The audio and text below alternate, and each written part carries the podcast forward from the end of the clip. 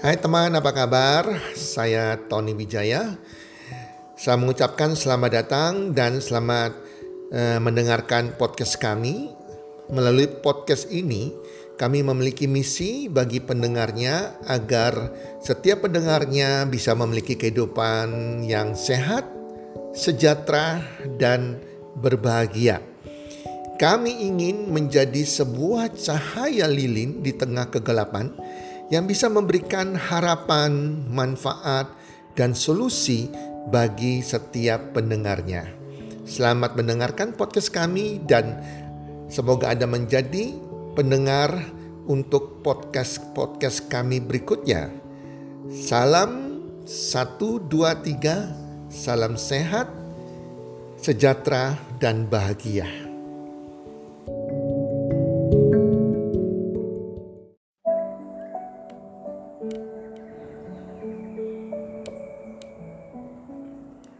Uang di tangan, jangan di hati. Hai para pendengar podcast, apa kabar? Di mana pun Anda berada saat ini, saya mendoakan semoga Anda sekeluarga dalam keadaan sehat walafiat dan selalu berbahagia. Dan pastinya makin hari makin bertambah rezeki Anda, makin bertambah kesuksesan Anda. Uang di tangan, jangan di hati. Teman-teman, tidak ada yang salah tentang uang. Uang itu adalah hal yang netral, teman-teman. Ya, cuma jangan sampai kita meletakkan uang itu di dalam hati kita. Kalau Anda meletakkan uang Anda di dalam hati Anda, artinya Anda mencintai uang. Kalau Anda sudah mencintai uang, inilah yang salah. Letakkan uang di tangan Anda, sehingga lewat tangan Anda ini Lewat uang yang ada di tangan Anda ini, Anda bisa berbuat banyak kebaikan untuk orang lain. Ya, jadi Anda bisa berbuat sosial, menabur kebaikan, menolong orang-orang yang kurang beruntung lewat uang di tangan Anda, teman-teman. Ya, jadi saya sangat setuju sekali. Saya sangat setuju jika dikatakan bahwa baik untuk memiliki uang di tangan kita asal tidak di hati kita. Baik untuk memiliki uang asal jangan mencintainya. Karena cinta akan uang merupakan akar dari pohon yang buahnya adalah berbagai jenis kejahatan.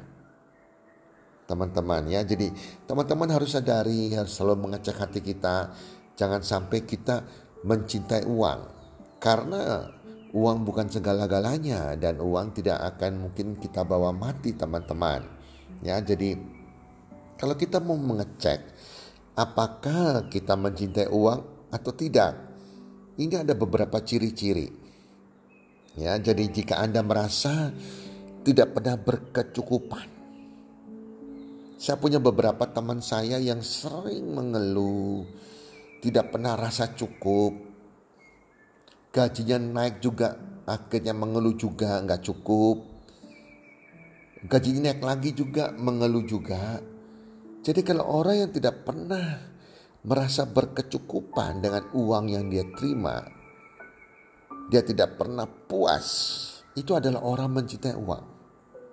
Seharusnya berapapun penghasilan yang kita terima kita harus puas dan mengucap syukur dengan apa yang kita terima, yang kita miliki. Kekayaan yang besar adalah bila seseorang dapat belajar mencukupkan diri dalam dalam segala keadaan dan puas dengan apa yang dimilikinya.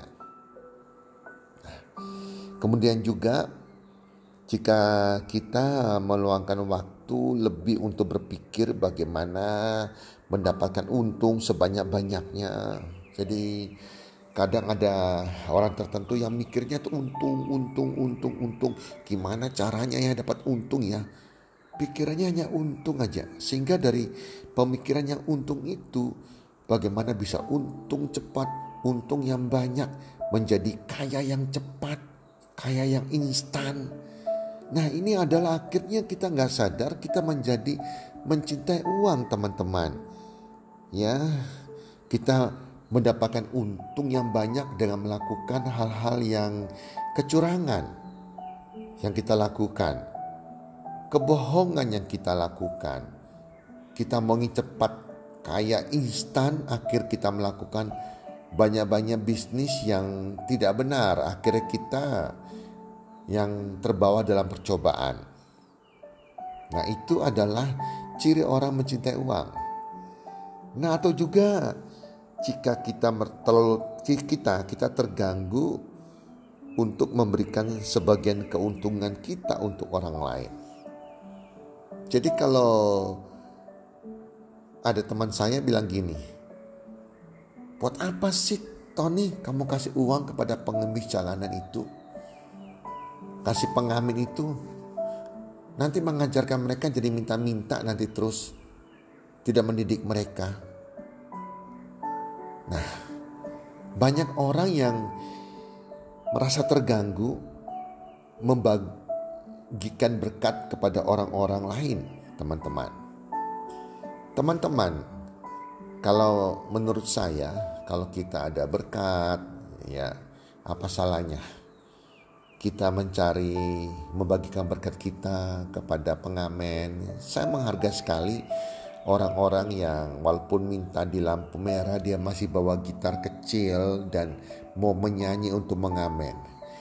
Menurut saya, siapa sih yang mau mengamen pinggir jalan? Kecuali kalau keadaan mereka sudah terdesak sekali teman-teman. Kita gak pernah tahu orang ini siapa, perjuangan hidupnya seperti apa, miskinnya seperti apa teman-teman. Nah, kemudian Ciri berikutnya seseorang mencintai uang adalah jika Anda suka memamerkan kekayaan Anda. Hmm. Jadi ada orang tertentu yang suka pamer sekali. Yang dibicarakan dengan mereka adalah barang-barang mewah, barang-barang yang lagi diskon, belanja di mana, hobinya ke mana, jalan-jalan ke luar negeri mana, kendaraannya mana, kendaraan yang mewah-mewah, rencana beli kendaraan, makannya di mana, makannya sampai harganya jutaan, belasan juta mungkin. Jadi yang dibicarakan itu adalah hal-hal yang tentang duniawi, tentang kekayaan. Itu ciri orang mencintai uang. Ciri terakhir adalah jika kita mengabaikan prinsip-prinsip kebenaran untuk mendapatkan uang. Karena kalau kita ingin mendapatkan uang sebanyak mungkin, kita mengabaikan prinsip-prinsip kebenaran sampai juga prinsip-prinsip keagamaan kita. Kita rela menjual iman kita, kita rela pindah agama, kita rela berdusta, kita rela, rela berbohong, kita rela menyeleweng, kita rela seakan-akan jadi orang suci, semua untuk mengejar ambisi kekayaan. Wow, ini tidak benar, teman-teman. Jelas ya, kita bagus sekali jika bisa memiliki uang di tangan kita, asal jangan ada di hati kita. Teman-teman, teman-teman kenal tidak yang namanya John Davidson Rockefeller? John Davidson Rockefeller ini lahir 8 Juli tahun 1839, meninggalnya 23 Mei 1937. Nah, John Rockefeller ini sangat terkenal sekali karena dia adalah miliarder pertama di dunia. Beliau orang Amerika Serikat dan dia adalah miliarder pertama di dunia yang dulu sering disebut sebagai raja minyak karena dia punya perusahaan minyak yang namanya Standard Oil. Waktu dia berusia 33 tahun, John Rockefeller ini sudah memiliki penghasilan pertama dia 1 juta US dollar. Di usia 33 tahun, para pendengar. Usia 43 tahun, ia sudah memiliki perusahaan terbesar di dunia. Perusahaan minyak terbesar di dunia dan pada umur 53 tahun ya, ya, ia adalah orang yang terkaya yang ada di dunia. dalam usia 53 tahun. Penghasilannya pada waktu itu adalah 1 juta US dollar setiap minggu. Seharusnya sebagai orang yang terkaya di dunia, orang pertama terkaya di dunia, harusnya dia kan berbahagia dengan kekayaannya. Tapi apa terjadi di usia 53 tahun tersebut? Ia memiliki banyak musuh. Banyak orang yang iri sama dia, benci sama dia karena mungkin dia angku, dia sombong. Sehingga Rockefeller ini kalau ke mana-mana dia membutuhkan pengawal atau bodyguard. Ia sangat ketakutan dibunuh orang. Karena begitu banyak surat ancaman makiannya akan membunuh dia. Dia sangat stres, sangat tertekan sehingga Rockefeller ini tidak bisa tersenyum. Mukanya kaku karena stresnya itu. Punya banyak uang, orang terkaya di dunia, tapi nggak bisa tersenyum teman-teman. Dan dia tidak dapat tidur dengan nyenyak. Karena stresnya yang berkelebihan sehingga mengganggu kesehatannya dia Akibatnya apa teman-teman? Dia mengalami gangguan di lambungnya. Sehingga dia hanya dapat makanan yang dia bisa makan, nggak semua makanan dia bisa makan teman-teman. Dia hanya bisa susu saja dan makan crackers. Wow, Orang kaya nggak bisa makan apa-apa, dia hanya bisa minum susu dan makan crackers. Stres, penuh ketakutan akan dibunuh, nggak bisa tidur dengan pulas. Dan di usia 53 tahun itu, dokter memfonisnya bahwa usianya tidak akan lebih dari 54 tahun. Jadi artinya diramalkan satu tahun kemudian dia akan meninggal di usia 54 tahun. John Rockefeller begitu dia sadar akan hal ini bahwa dia tidak akan membawa kekayaannya saat ia meninggal. Dia merasakan, wah percuma dia jadi orang terkaya di dunia. Dia nggak bisa menikmati kekayaannya dan dia meninggal pun tidak bisa membawa semuanya itu. Kemudian dia mulai sadar, dia mulai bertobat, dan dia mulai merubah sikapnya dia karena dia sadar bahwa dia akan meninggal satu tahun lagi. Dia takut masuk ke neraka teman-teman. Jadi dia sadar mulai harus berbuat sebuah kebaikan karena usianya tinggal satu tahun. Dan dia mulai membagikan kekayaannya. Dia berikan pada gereja. Dia berikan kepada orang-orang miskin. Setiap bulan adalah dia membagikan, menolong orang-orang yang tidak mampu dan dia membangun Rockefeller Foundation yang bekerja di bidang riset dan kemudian hari-harinya dinikmati mulai dekat dengan Tuhan dan dia sudah tidak takut lagi dibunuh oleh orang dia pikir kalau dibunuh punya oke okay, umur dia tinggal satu tahun dan di saat dia sudah bisa membagi berkat kepada orang, memperhatikan orang lain, sudah nggak sombong, dia bisa tersenyum, hatinya dia merasa seperti happy, hati dia merasa uh, senang ya. Dan di situlah pikiran dia tenang, dia bisa tidur dengan pulasnya. Dan mujizat terjadi, dia sembuh dari penyakitnya. Dia bisa makan dengan bebasnya setelah itu. Yang difonis dokter usianya 54 tahun akan meninggal, ternyata dia meninggal di usia 98 tahun, teman-teman. Teman-teman, dari kisah John Davidson Rockefeller ini, kita melihat orang yang sudah mencapai puncak suksesnya, jadi orang terkaya di dunia. Dia tidak bahagia.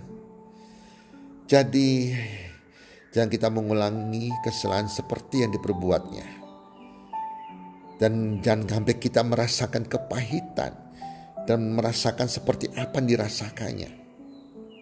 Kehidupan John D. Davidson Rockefeller ini berkata bahwa mengajarkan kita bahwa ada sebuah arti penting di balik usaha dan profesi Anda, yaitu untuk berbagi pada orang-orang yang kekurangan dan menjadikan dunia sebagai tempat, sebuah tempat yang lebih baik, tempat yang di mana kita menabur sebuah kebaikan. Apa pun yang kita dapatkan lewat kesuksesan kita, jangan mencintai uang Jangan taruh uang di hati kita, tapi taruh di tangan kita. Artinya kita membagi berkat itu juga kepada orang lain.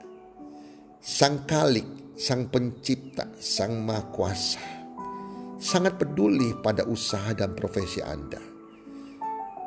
Tuhan sangat peduli jika Anda kaya dan Anda sukses. Karena Tuhan memiliki rencana yang indah tujuan yang indah di dalam hidup kita setiap manusia. Untuk saling menolong, membagi berkat bagi orang-orang lain yang kurang beruntung. Teman-teman pendengar podcast, semoga kisah sharing ini tentang uang di tangan, jangan di hati, bisa bermanfaat bagi Anda semuanya.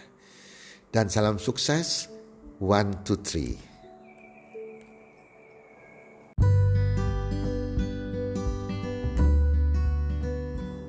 Terima kasih sudah mendengarkan podcast kami.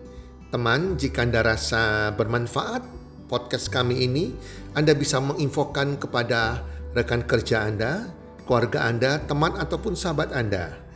Dan jika ada hal-hal yang Anda ingin tanyakan kepada kami ataupun topik-topik apa yang Anda ingin kami bawakan, kami sampaikan, Anda bisa DM kami di Instagram kami Health Community id. Salam one two three, salam sehat, sejahtera dan bahagia.